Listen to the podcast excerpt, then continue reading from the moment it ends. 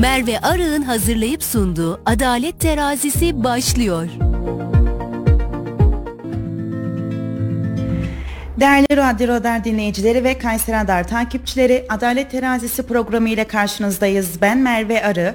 Her hafta çok değerli hukukçularımızı konuk aldığımız Adalet Terazisi programının bu haftaki konuğu hukukçu Kutay Mutlu bizimle birlikte. Hoş geldiniz. Hoş bulduk Merve Hanım. Nasılsınız? Teşekkür ediyorum. İyiyim. Sizler nasılsınız? Çok teşekkür ediyoruz. Bizler de iyiyiz. Bizi kırmayıp programa konuk olduğunuz için ayrıca teşekkür ediyorum. çok pardon. Bu hafta biz ne işleyeceğiz? E, işveren ve çalışanların yasal hak ve sorumluluklarını işleyeceğiz. Siz değerli takipçilerimizin bu konuyla alakalı soruları olursa bizlere sosyal medya hesaplarımızdan yazabilirsiniz. Çok pardon. Ayrıca WhatsApp iletişim hattımız 0352 336 25 98. WhatsApp iletişim hattımızdan da bizlere ulaşım sağlayabilirsiniz. Eee Konumuzla başlamak istiyorum Kutay Bey. İş uyuşmazlıklarının ülkemizde görülme sıklığı ne durumda diyerek başlamak istiyorum. Merve Hanım tekrardan teşekkür ediyorum. Rica Özellikle ediyorum. sizlere ve Kayseri Radar ailesine hukuka ve hukukçuya verdiği değerden ötürü. Ee, sözlerime başlamadan önce e, geçen hafta hain terör örgütü saldırısı sonucu 12 askerimizi şehit verdik. Kahraman şehitlerimize Allah'tan rahmet diliyorum. Ailelerine ve e, yüce Türk milletimize de başsağlığı ve sabırlar diliyorum. E, Bugünkü programımızda demiş olduğunuz gibi işveren ve çalışanların yasal hak ve sorumluluklarından bahsedeceğiz. Evet. E, Ülkemizde iş uyuşmazlıkları ciddi anlamda fazla bir şekilde yargını, yargıyı etkiliyor. E, Örneğin e, şu şekilde söyleyeyim. E, Kayseri Adalet Sarayı'nı ör- örnek alırsak 19 adet Asliye Ceza Mahkemesi varken 12 adet Asliye Hukuk Mahkemesi varken 10 adet de iş mahkemesi bulunmaktadır. Bu da zaten uyuşmazlık konularının günden güne arttığını, uyuşmazlıklarının fazla olduğunu e, bizlere göstermektedir. E, bugünkü programımızda aslında biz 4857 sayılı iş kanunu ve 6331 sayılı e, iş sağlığı ve güvenliği kanununu referans alarak e, değerlendireceğiz. Bu şekilde söyleyeyim. Ee, şu şekilde devam edelim o zaman. Şimdi tek tek gideceğim. İşçinin sorumlulukları nelerdir Evet. diyerek başlamak Ee, istiyorum. öncelikle 4857 sayılı iş kanununa göre işçinin sorumluluklarına başlamadan önce işçi nedir, işçi e, kime denir sorusunu zaten kanun bizlere e, yanıtlıyor. E, iş sözleşmesiyle çalışan gerçek kişiye işçi denir. Peki buradan bir kavram daha ortaya çıkıyor. İş sözleşmesi nedir? İş sözleşmesi de işçinin bağımlı olarak iş görmeyi, işverenin ise ücret ödemeyi söz, e, ücret ödemeyi üstlendiği sözleşme olarak tanımlayabiliriz. İş sözleşmeleri iki tarafa da borç borç yükleyen sözleşme niteliğindedir. E, işçinin 4857 sayılı iş kanununa göre 3 ana başlıkta sorumluluğu bulunmaktadır. Birinci sorumluluğu iş görme, ikinci sorumluluğu talimata uyma, üçüncü sorumluluğu ise sadakat borcu. Evet. İş görme borcu dediğimiz borç işçinin en temel borcudur. Ee, bu borcu e, şu şekilde örnek verebiliriz. İşçinin işini kendisinin yapması, e, işçinin çalışma koşullarına uyması, e, işçinin işini özenle yapması şeklinde sıralayabiliriz. E, diğer borcumuza geldiğimiz zaman işverenin talimatlara uyma borcu. Bu da işverenin e, yönetim hakkına dayalı bir e, borç olarak karşımıza çıkmaktadır. Örneğin işveren giriş çıkış kontrolleri yapabilir. E, işçi buna uymak zorundadır. İşveren sigara içme yasağı gibi belli yasaklar getirebilir. E, işçi yine buna uymak zorundadır. E, diğer borcumuz ise sadakat borcu. E, sadakat borcunu şu şekilde tanımlayalım.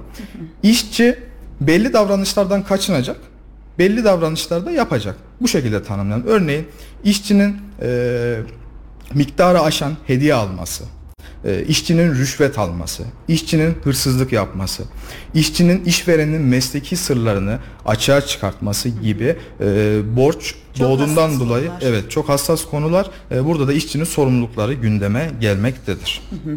Peki işçinin haklarına e, baktığımız zaman neler söyleyebiliriz? Ee, az önce iş sözleşmesini tanımladık. İş sözleşmesinde işverenin e, ücret ödeme zorunluluğu vardır değil mi? İşçinin de aslında en temel haklarından bir tanesi de ücret alma hakkı. Ee, diğer hak iş sağlığı ve güvenliğini talep etme hakkı. Ben bu konuyu çok önemsiyorum. Maalesef ülkemizde de ciddi anlamda iş kazaları e, meydana gelmektedir. E, işçi eksik gördüğü, noksan gördüğü bir durumu e, iş sağlığıyla, iş güveniyle alakalı bir tereddüt yaşadığı zaman işverenden bunu talep etme hakkı vardır. İşverenin de ona uygun bir şekilde davranma sorumluluğu bulunmaktadır. Aslında bu hak işveren tarafından bir sorumluluk, işçi tarafından da bir hak olarak karşımıza çıkıyor. Yine eşit muamele hakkı vardır.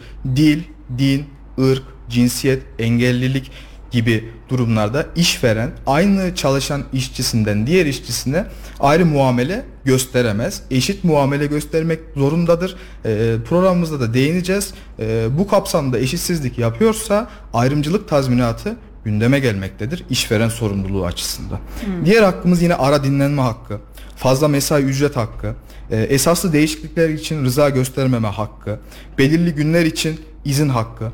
Örneğin işçinin evlenmesi, işçinin eşinin, e, işçinin annesinin, babasının, kardeşinin vefatı halinde işverenden 3 gün ücretli izin talep etme hakkının bulunduğunu söylemem gerekir. İşçinin e, eşinin doğum yapması yine burada 5 gün ücretli izin hakkı olduğunu söylemek isterim. Ayrıca kadın işçilerimize yönelik de süt izni uygulaması bulunmaktadır. Ee, doğum izni uygulaması bulunmaktadır. Doğum izni doğumdan önce 8 hafta, doğumdan sonra 8 haftayı kapsayan bir uygulamadır. Çoğul gebeliklerde, ikiz, üçüz gibi gebeliklerde doğumdan önce 2 hafta daha bu süreye ilave edilmek suretiyle uygulanır. Şimdi genelde sanki sadece işçinin hakları varmış gibi, işçinin sorumlulukları varmış gibi genelde hep bu konuşuluyor. Peki işverenin hak ve sorumluluklarına baktığımız zaman neler Evet. söyleyebiliriz? E, işverenin sorumluluklarına e, yine 3 başlık altında toparlayabiliriz. Bir, ücret ödeme borcu. Az önce de demiştim. işçinin en temel hakkı ücret hakkıydı. İşçinin ise sorumluluğu ücret ödeme borcu olarak çıkıyor. Yine işçiyi koruma. Bu da bir sorumluluk. Eşit davranma ilkesi yine işçinin bir hakkıydı. İşverenin ise bir sorumluluğu olarak karşımıza çıkmaktadır. E, işçiyi koruma borcu işvereni, işveren iş yeriyle alakalı iş sağlığı ve güvenliği ile ilgili önlemleri almak zorundadır. E, burada işverene belli yükümlülükler yüklemektedir. Örneğin bir iş kazası meydana geldiği zaman SGK 3 iş günü içerisinde bildirmesi ve kolluk birimlerine e, derhal bildirmesi gerekmektedir. Aksi takdirde SGK'ya bildirim yapılmadığı zaman her yıl miktar belirleniyor. 2023 yılında ise minimum 15.529 TL idari para cezasıyla karşı karşıya kalabiliyor. Bu da işçinin yine işverenin yine bir sorumluluğuna alakalıdır. E, eşit davranma ilişkisi olarak yine dediğimiz gibi dil, ırk, işte renk, cinsiyet gibi ayrımları hiçbir şekilde yapamaz. 4 aya kadar ücret tutarında ayrımcılık e, ayrımcılık tazminatı ödemek zorunda kalabilir e, diyebiliriz. E, aslında e, iş kanununa göre işçinin sorumlulukları ve hakları bu şekildedir. E, şimdi 6331 sayılı iş sağlığı ve güvenliği kanununa göre işverenin de sorumlulukları var. E, bu kanun kapsamı yine iş sağlığı ve güvenliği ile alakalı bir e, korumadır. E, mes- mesleki riskleri e, önlemek adına işveren işçisine gerekli eğitimleri vermek zorundadır. E, bu bizim için gerçekten çok önemlidir. Güvenlik tedbirlerini almak zorundadır. Makinelerin işte bakımları zamanında yapılması gerekmektedir. Gerekli koruyucu ekipmanları verilmesi gerekmektedir. İşte gözlük olabilir, eldiven olabilir. Evet. Gerekli levhaları e, iş yerine asması gerekmektedir ve işveren e, bunu sürekli denetlemekle yükümlüdür. Bunu söyleyebiliriz burada. E, işveren iş sağlığıyla ilgili vermiş olduğu eğitimleri işçiden talep edemez. E, bu da önemli bir husustur. E, bu da bu kanun kapsamında e, söyleyebiliriz. Şimdi yayının başında e, bu konuyla ilgili soruları olan takipçilerimize sorularını sosyal medya hesaplarımızdan yazmasını aynı zamanda WhatsApp iletişim hattımızdan da. Hemen alt bantta zaten numaramız yazıyor. 0352 336 2598. E, bu arada da normalde e, soruları reklam arasından hemen sonra e, yöneltiyordum. Ama şu anda bir takipçimizin bir mesajı var Evet. yöneltiyorum. E, merhaba iyi yayınlar dilerim demiş. Teşekkür ederiz. 10. ayın 8'i 2022 tarihinde belirli süreli iş sözleşmesi yaptık. Bir yıl süre doldu ve ben de işten çıktım. Kıdem tazminatına hak kazanır mıyım diyor. Evet. Ee, şöyle söyleyelim. Ee, bir yıl e, bir yıl yapılmış bir sözleşme anladığım kadarıyla. Ee, Yargıtay uygulamalarında belirli ya da belirsiz süreli iş sözleşmesinde kıdem tazminatı şartı yok. Fakat e, fesih şartları gerçekleşirse belki gündeme gelebilirdi. E, kendi isteğiyle çıktığı için ya da sözleşmenin süresiyle e, dolduğu için e, kıdem tazminatına hak kazanamaz. E, belirli süreli sözleşme demişken de e, dilerseniz belirli süreli, belirsiz süreli sözleşmeleri anlatmak isterim. E, iş hukukunda en çok uygulanan e, sözleşmelerden biri belirli sözleşme ve belirsiz sözleşmedir. Aslında asıl olan belirsiz süreli iş sözleşmesidir. Ama uygulamada biz sıklıkla gördüğümüz belirli süreli iş sözleşmelerini e, görüyoruz. E, bunlara deneme kayıtlarının konulduğunu da görüyoruz. E, belirli süreli sözleşme nedir? E, sorusu gündeme gelir. Belirli süreli sözleşme adı üstünde belirli bir sürenin sonunda iş sözleşmesinin sona ermesidir. belirli süreli iş sözleşmesi de belli bir işin olması çok önemlidir. İşverenlerde e, yapmış oldukları sözleşmelerde görev tanımı net bir şekilde belirlenmemiş, için işin biteceği tarih net bir şekilde belirlenmemişse Yargıtay uygulamaları da e, bu sözleşmenin yani sözleşme başlığının belirli süreli iş sözleşmesi olması hiçbir anlam ifade etmeyecektir. E, başından itibaren belirsiz süreli iş sözleşmesi e, gibi kabul edilecektir. E, belirli süreli iş sözleşmesi aslında biraz daha işveren lehine e, birazcık daha iş, işçi aleyhine sonuç doğuran sözleşmelerden diyebiliriz. Çünkü işe iade davası e, gündeme gelmez, iş güvencesi gündeme gelmez ve ihbar tazminatı gündeme gelmez. Yine belirli süreli iş sözleşmesinin ama belirsiz süreli iş sözleşmelerinde gündeme gelir. E, ben e, objektif koşulların bulunmaması halinde sözleşme belirli süreli olmaz. E, dediğim gibi işin e, biteceği zaman çok önemli bizim için. İşin net bir şekilde tanımlanması çok önemli bizim için. İşçinin de sözleşme tarihinde işi biteceğini bilmesi bizim için çok önemli. E, bunlar e, bu şekildedir. Belirsiz süreli sözleşmede aslında e, bir de şunu söylemeyi unuttum. E, hı hı. Belirli süreli sözleşme yazılı olmak zorundadır. Normalde iş sözleşmeleri yazılılık şartı yoktur. Belirsiz süreli sözleşmeler de böyledir. Fakat belirli süreli sözleşmelerin yazılı olması gerekmektedir ve objektif koşulların olması gerekmektedir. Belirsiz süreli sözleşmede herhangi bir süre yoktur. Hı hı. E, kısaca işçi e, sözleşmenin biteceği tarihi bilmemektedir. E, bu sözleşmenin de aslında işçi lehine birçok avantajı olduğunu söylemeliyiz. E, bu iki sözleşmeye de biz deneme süresini koyuyoruz.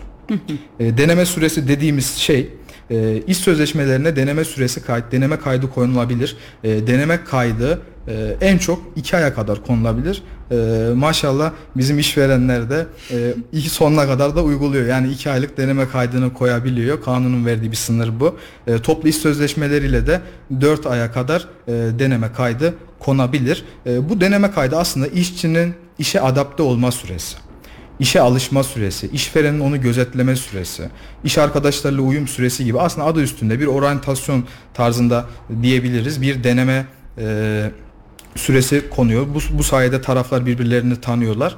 E, olumsuz bir durum olduğu zaman da burada en önemli haklardan biri tazminatsız bir şekilde e, işçiyi çıkarabiliyorlar. İşçi de istediği gibi bu süre zarfında çıkabiliyor. Fakat işverenlere e, şunu söylemek istiyorum. Bir sürede deneme sürenin olması e, işçinin sigortasının olmayacağı anlamına gelmez. İşçinin sigortasının yapılması gerekmektedir. İşte hafta tatili, resmi tatil ve tatil diğer tatil haklarından da yararlandırılması gerekmektedir. Ee, bundan sonra e, şu da çok merak edilen e, durumlardan bir tanesi kıdem tazminatı. Evet. Ee, ben bunları açıklamak istiyorum ki çünkü tabii, tabii. hani kısa kısa bunlardan bahsedelim. E, vatandaşlarımız bilinçlensin. Kıdem tazminatı da bizim çok fazla duyduğumuz, herkesin merak ettiği bir konu. Kıdem tazminatına hak kazanmanın belli şartları vardır. En önemli şartlarından bir tanesi 4857 sayılı iş kanununa tabi olarak bir işçi olma şartıdır. Ve en az bir yıl çalışmak gerekmektedir. Ve e, kıdem tazminatına hak kazanmak için de az önce takipçimiz de bir soru e, sormuş. Evet. E, belirli süreli sözleşmenin e, feshedilmesi gerekmektedir. Yani belirsiz süreli sözleşmenin gerekçesiz, haksız bir şekilde feshedilecek ki işçi kıdem tazminatına hak kazanacak. E, istifa ve işverenin haklı nedenle fesi dışında tüm durumlar aslında kıdem tazminatını doğurur şeklinde söyleyebiliriz. E, bu şekilde bunu daraltabiliriz. E, iş işçinin askerlik görevini yapması, yine çalışan kadının evlenmesi ve bu fesih hakkını bir yıl içinde kullanması, işçinin ölümü sebebiyle iş akdinin son son bulması gibi nedenlerden e, yine kıdem tazminatı e, gündeme gelmektedir. E, haklı nedene dayalı bir fesih bildir e, haklı nedene dayalı bir fesih konusu var. Bunu da şöyle söylemek isterim. Bu da mı yapılır? E, bunu yani e, bu da mı yapılır? Bunu kim yaparsa yapsın işten çıkarılır deniyorsa orada bir haklı nedenle fesih anlamı gelmektedir. Örneğin iş yerinde işçinin işte cinsel tacizde bulunması hı hı. hak nedenle bir fesihtir. Hak nedenle fesihte kıdem tazminatı gündeme gelmez yine. Ee, bunu söyleyeyim. İhbar tazminatına geçelim. Kıdem tazminatıyla birlikte çok kullanılan tazminatlardan bir tanesidir. Az önce zaten belirttik. Belirli süreli iş sözleşmelerinde ihbar tazminatı olmamaktadır. Hı hı. İhbar tazminatı e, hem işçi tarafından hem işveren tarafından bildirim sürelerine uyulmadığının ispatıyla istenebilecek bir tazminat türüdür. E, bu tazminatın aslında konuluş amacı da hem işçi hem işvereni korumaktadır.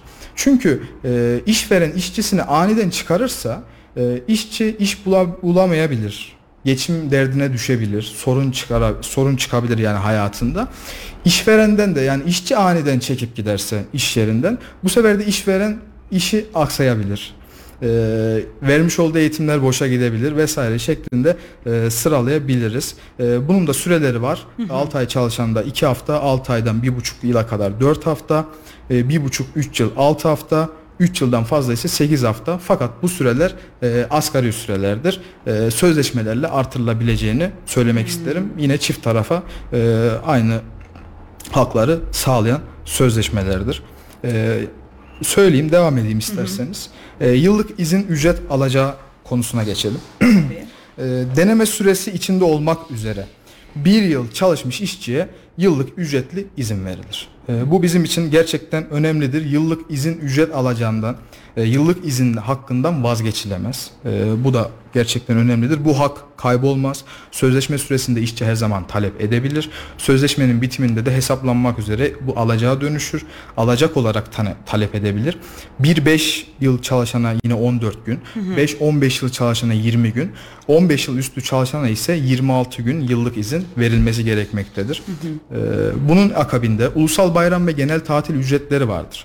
E, bunlar nedir? 1 Ocak, 23 Nisan, 1 Mayıs, 19 Mayıs, 15 Temmuz, 30 Ağustos, 29 Ekim ve Ramazan ve Kurban Bayramı. İşçi bu tatillerde çalışırsa her bir gün için günlük ücrete hak kazanır. Hmm. Bu tatillerde zaten çalışmasa normal ücrete hak kazanıyor. Ama bu tatillerde çalışırsa her bir gün üç e, aylık ücreti bölünür. Ona göre hak kazanır. Ve bu da yine işçilerimizin alacaklarından alacak alacağı konularından bir tanesidir. E, fazla mesai alacağına gelelim buradan. E, iş kanununa göre e, haftalık çalışma saati 45 saattir. Günlük en fazla 11 saat, gece ise 7,5 saat çalışılır. Yıl bazına bakıldığı zaman da 270 saati aşamaz. 270 saat açılırsa ay bazında değerlendirme yapılıyor. Ay bazında bölündüğü zaman da 22,5 saate tekabül ediyor bu konu. E, 22,5 saati aşarsa fazla çalışma ücreti ödenmesi gerekir. E, normal ücretin %25'idir. Normal günlük hak kazandığı ücretin %25 dir.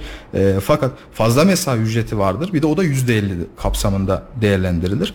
Fakat burada dikkat edilmesi gereken en önemli hususlardan bir tanesi işçiden işçiden bunun onayının alınması gerekmektedir. E, bu bizim için önemlidir. Bu hakta da yine iş akdinin feshedilmiş olması gerekmez. İşçi çalıştığı süre boyunca yine işverenden e, bu hakkını talep edebilir. E, şimdi İş uyuşmazlığı, iş, iş uyuşmazlıkları denince akla en çok arabuluculuk kurumu gelir.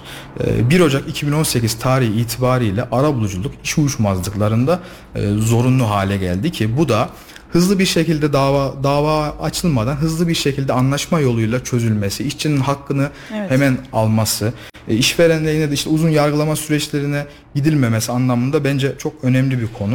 İş mahkemeleri kanununda belirlenmiştir. Fakat her iş uyuşmazlığı arabuluculuk konusuna tabi midir sorusu sorulursa da hayır cevabını vermek istiyorum. Özellikle iş kazalarında e, e, nasıl desem iş, iş kazaları ve meslek hastalıklarında tespit itiraz ve rücu davalarında yine iş mahkemeleri kanununa göre arabuluculuk zorunlu değildir Merve Hanım. Ee, hızlı bir şekilde zaman aşımı sürelerinden de bahsedeyim.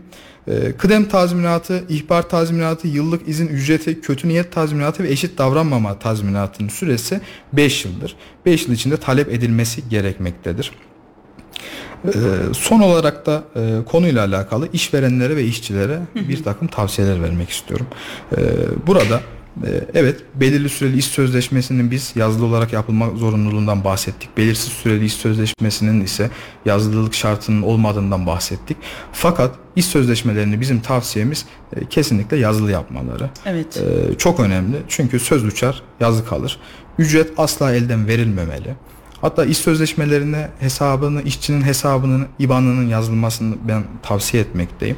E, ücreti e, banka kanalıyla ödenmesi doğru olanıdır. e, ceza yenmeme, yenmeme konusuna çok iyi bakılmalıdır. SGK konusuna iyi hakim olunmalıdır. İşe giriş bildirgeleri işverenler tarafından e, zamanında verilmelidir. Aksi takdirde e, SGK nezdinde e, bunun bir takım yaptırımları olabilmektedir. Eğer SGK yaptığı denetimlerde veyahut da bir ihbar aldığı zaman iki, as, iki asgari ücrete kadar idari para cezası ile işverenlerimiz e, karşı karşıya kalabilir.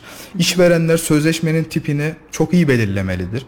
Yani bir kağıda belirli süreli iş sözleşmesi yazıldığı zaman o belirli süreli iş sözleşmesi olmayabilir. Çünkü e, belirli süreli iş sözleşmesinin e, tanımına bakıldığı zaman e, objektif koşulların olması gerekiyor. Anlatmış olduğumuz üzere yani e, belli bir işin yapılması, işçinin bunu bilmesi, bu işin belli bir sürede bitmesi gibi e, sözleşme tiplerimizin iyi belirlenmesi gerekiyor. İşçinin yine görev ve ünvanının e, mutlaka e, sözleşmede bulunması gerekiyor. Bunlar bizim için gerçekten çok önemlidir. E, bir de e, şunu görüyoruz. Özellikle iş sözleşmelerinde cezai şart görüyoruz. Ceza şart diye bir kurum vardır. Fakat e, burada Yargıtay'da özellikle karşılıklılık prensibi aramaktadır. Sadece işçiye yöneltilen cezai şartlar e, yargılama süreçlerinde geçersiz hale gelebilmektedir. Burada da karşılıklılık prensibine uyulması gerekmektedir. İş sözleşmelerine deneme süresi koymamız gerçekten bizim tavsiyemizdir. Hem işçinin iş, iş yerine alışması veyahut da işverenin işçiye alışması gibi işi yapabilecek niteliğe sahip olabilmesi gibi. Yine işçilerimize tavsiyemiz sözleşmeyi mutlaka okumaları. Evet. Maalesef hani bir iş yerine geldiği zaman bir sürü sözleşmelere imza atıyorlar. Çoğunu okumuyorlar. Biraz üşengeç bir millet miyiz neyiz acaba? Bir şey okumadan hemen imza atıyoruz. Yani biraz da ben şunu düşünüyorum. Biraz da ister istemez hani e, sonuçta işverenden iş istiyorlar. İşverenden iş istiyorlar. E, işi kaçırmak istemiyorlar. E, bazen okumadan imza atılma olayları çok oluyor. E, fakat Evet. e, burada aslında işverenler biraz daha işçi işçilerimizi rahatlatırsa lütfen sözleşmeyi okuyun. İşte lütfen sözleşme bir nüshasını zaten size vereceğiz. Gerekirse işe başlamadan önce sözleşmeleri verelim siz okuyun bu şartları kabul ediyorsanız çalışın şeklinde olursa aslında çok daha güzel, çok daha oturaklı olacağını düşünüyorum. E, iş sözleşmelerinde işçinin bilgileri tam ve eksiksiz olarak doldurulması yine işverenlerin dikkat etmesi gereken hususlardandır. Ee, bir de şunu söylemek istiyorum. Ee, Yargıtay bazı kararlarında iş sözleşmelerinin e, bazı sayfalarına işçinin imza atmamasını geçersiz. Yani işçinin e, iş sözleşmelerine imza atmamasını sonuçta atıyorum 4 sayfalık bir sözleşme var. Ee, bazı sayfalarına imza atmaması o sayfaları anla- e, onaylamayacağı anlamına geliyor bazen. Onun için işverenlerden her sözleşmenin her sayfasına imza attırmalarını tavsiye ediyorum e, işçilere karşı. Okudum, anladım gibi metinlerin olmasını tavsiye ediyorum. E, bu şekilde e, anlatacaklarımız bu kadar. E, varsa sorular, Daha anlatacağınız sorular çok şey üzerinde- var gibi görünüyor. Şimdi bir e, takipçimiz yine bir e, mesaj atmış. Ben iş yerinden çıkarıldım. Ne maaş aldım ne tazminat aldım. 10 yıldır orada çalışıyordum. E, çıkartılalı 2 yıl oldu. Hiçbir şey yapmadım. Hep ödenecek diye oyaladılar. Şimdi ne yapabilirim diyor. Ee, Şimdi e, takipçimize yazılı bir şekilde bence ihtar çekilmesi önceliğimiz. Ee, yani bu konu yine arabuluculuk konusuna, iş, işçilik alacağı konusuna gündeme getirir. Ee, burada onu söyleyebiliriz. Öncelikle haklarıyla alakalı bir ihtar çekilmesi. Evet. Ondan sonra da e, yargı süreçlerine başla- başlatılmasını tavsiye edebiliriz. Devam ediyorum. Bir diğer takipçimiz. e, pandemide bir tam ay çalıştım. Sigorta 10 gün yattı. Mahkemeye verdim ama hala istinafta görünüyor. Ne yapmam gerekiyor diyor. Ee, yargılama sürecine girmiş e, dosyamız. E, burada şunu söylememiz gerekiyor. E, yargılama süreçleri zaten uzun sürüyor. İstinaf aşamasının kararının beklenmesi tavsiyemizdir yine. Bu arada hala soruları olan takipçilerimiz bizlere yazabilirler. Hukukçumuz Kutay Mutlu cevaplandırıyor. Ee, bir diğer takipçimiz devlet memuruyken istifa ettim. Daha sonra 3 yıldır bir firmada çalışıyorum. Memurlukta geçirdiğim süre kıdem tazminatına etki eder mi diyor. Şöyle çok merak edilen aslında sorulardan bir Evet. tanesi. İstifa ederek memurluktan ayrılınca e, kıdem tazminatına etki etmiyor. İstifa et, ettiğinden Hmm. Bak, dolayı. çok önemli bir yerden var. Evet, şu an çok İstifa önemli. ettiğinden dolayı e, kıdem tazminatına etki etmez. Kıdem tazminatı diğer işlerine başladığı yıldan itibaren hesaplanır. Evet. Ee, bir diğer takipçimiz.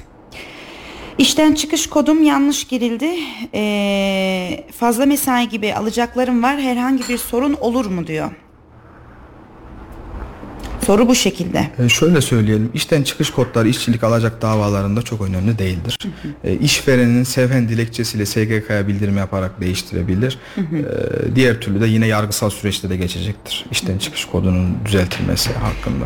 Bu arada her bir soruya çok detaylı cevap veriyorsunuz. çok Teşekkür ederim, teşekkür sağ ediyorum. Kutay Bey. Gerçekten çok sağ olun. Ee, şimdi bir reklam arası verelim istiyorum. uygun. Siz de bir soluklanın. Bu arada takipçilerimizde soruları varsa bizlere sosyal medya hesaplarımızdan e, yazın lütfen. Yine aynı zamanda 0352 336 2598 biraz hızlı söylüyorum ama hemen alt bantta zaten WhatsApp iletişim hattımız yazıyor. Oradan varsa bize yaşadığınız sorunlar ya da merak ettiğiniz sorular bizlere ulaşabilirsiniz. Ee, değerli Radyo Radar dinleyicileri ve Kayser Radar takipçileri Adalet Terazisi programı kısa bir aranın ardından yeniden devam edecek. Yayın tekrarı.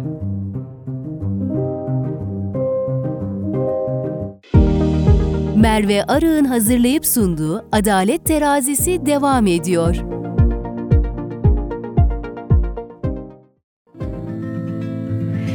Değerli Radyo Radar dinleyicileri ve Kayser Radar takipçileri Adalet Terazisi programı kaldığı yerden devam ediyor. Bu hafta Kutay Mutlu bizimle birlikte, hukukçu Kutay Mutlu bizimle birlikte işveren ve çalışanların yasal hak ve sorumluluklarını işliyoruz. Ee, reklamdan önce takipçilerimizin sorduğu sorulara yanıt verdik. Hala varsa da hukukçumuz cevaplandıracak. Ben şu an kendi sorularımla biraz devam etmek istiyorum buyurun. Kutay Bey. Çalışma hakkı ne hakkıdır? E, Çalışma hakkı aslında en temel niteliği itibariyle anayasal bir haktır. Anayasamızın 48. maddesinde açık bir şekilde e, düzenlenmiştir. E, temel bir insan hakkıdır şeklinde cevaplandırmak yeterli olacaktır sanırım. Ee, şimdi bazen mesela çevremizde görüyoruz ya işten çıkarıldım, Evet. kovuldum, ee, çıkışım verildi gibi bunu çoğaltabiliriz.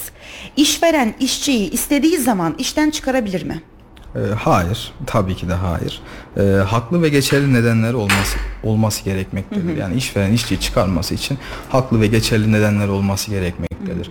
Örneğin e, ekonomik şartların iyi gitmemesi Evet. olabilir. E, işçinin işte sağlık sebepleri, ahlaki sebepler olabilir.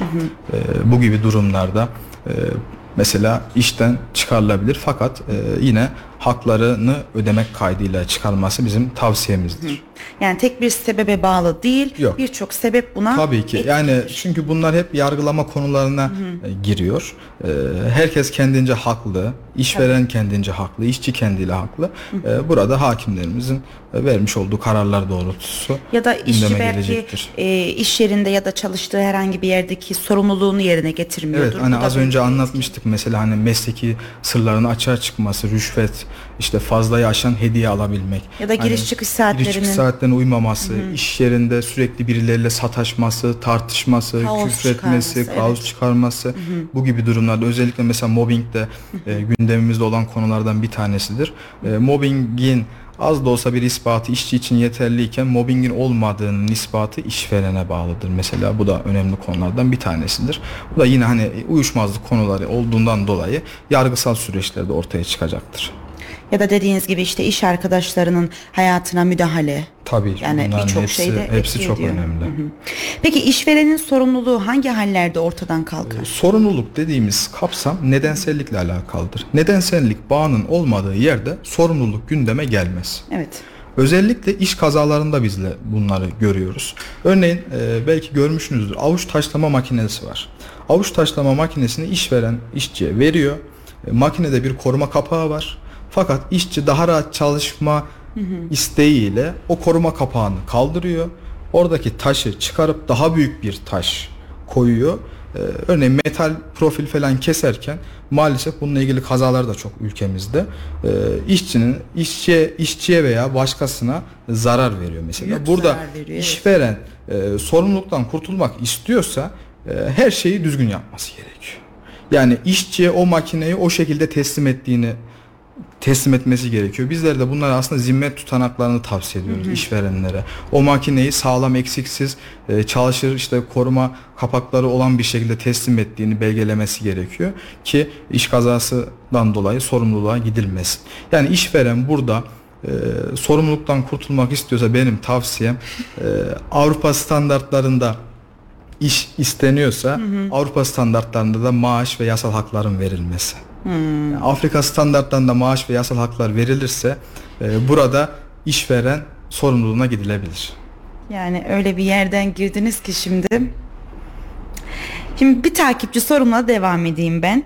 Ee, SGK girişim yapılmadı. Hem de işverenim beni haksız bir şekilde çıkarttı. Bu durumda ne yapmam gerekir diyor. E, SGK ile alakalı aslında ilk aklımıza gelen durumlardan bir tanesi hizmet tespit davası. Fakat e, işçi alacakları varsa işçi alacak işçi alacağı davası açılmasını ama bu davadan önce yine zorunlu arabuluculuk kurumuna gidilmesi, arabuluculuk başvuru formunda da tüm taleplerin net bir şekilde açıklanması gerekmektedir. Arabuluculuk ku- kurumuna gidilmeden açılan dava usulden red sebebidir. Arabuluculuk kurumuna gidilirken yapılan başvuru formunda yazılmayan talepleri daha sonra iş mahkemesinden de istenemez. Bunu da özellikle belirteyim.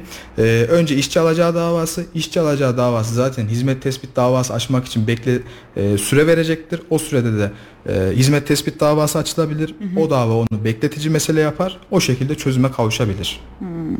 Teşekkür ediyorum. Ee, yine bir takipçimiz. Yaklaşık 3 yıldır aynı firmada çalışmaktayım. İş sözleşmemi işveren yeniledi. Kıdem tazminatı gibi haklarda etkili olur mu? Ee, şöyle söyleyelim. Ee, kıdem başlangıç tarihi ilk işe giriş tarihinizden itibaren başlar. Daha sonra yapılan sözleşmeler sözleşme tarihidir. Ee, kıdem tazminatı ilk sözleşme ne zaman yapıldıysa bu yazılı olmak zorunda da değildir. Yine belirsiz süreli sözleşmelerde yazılılık zorunluluğu yoktur.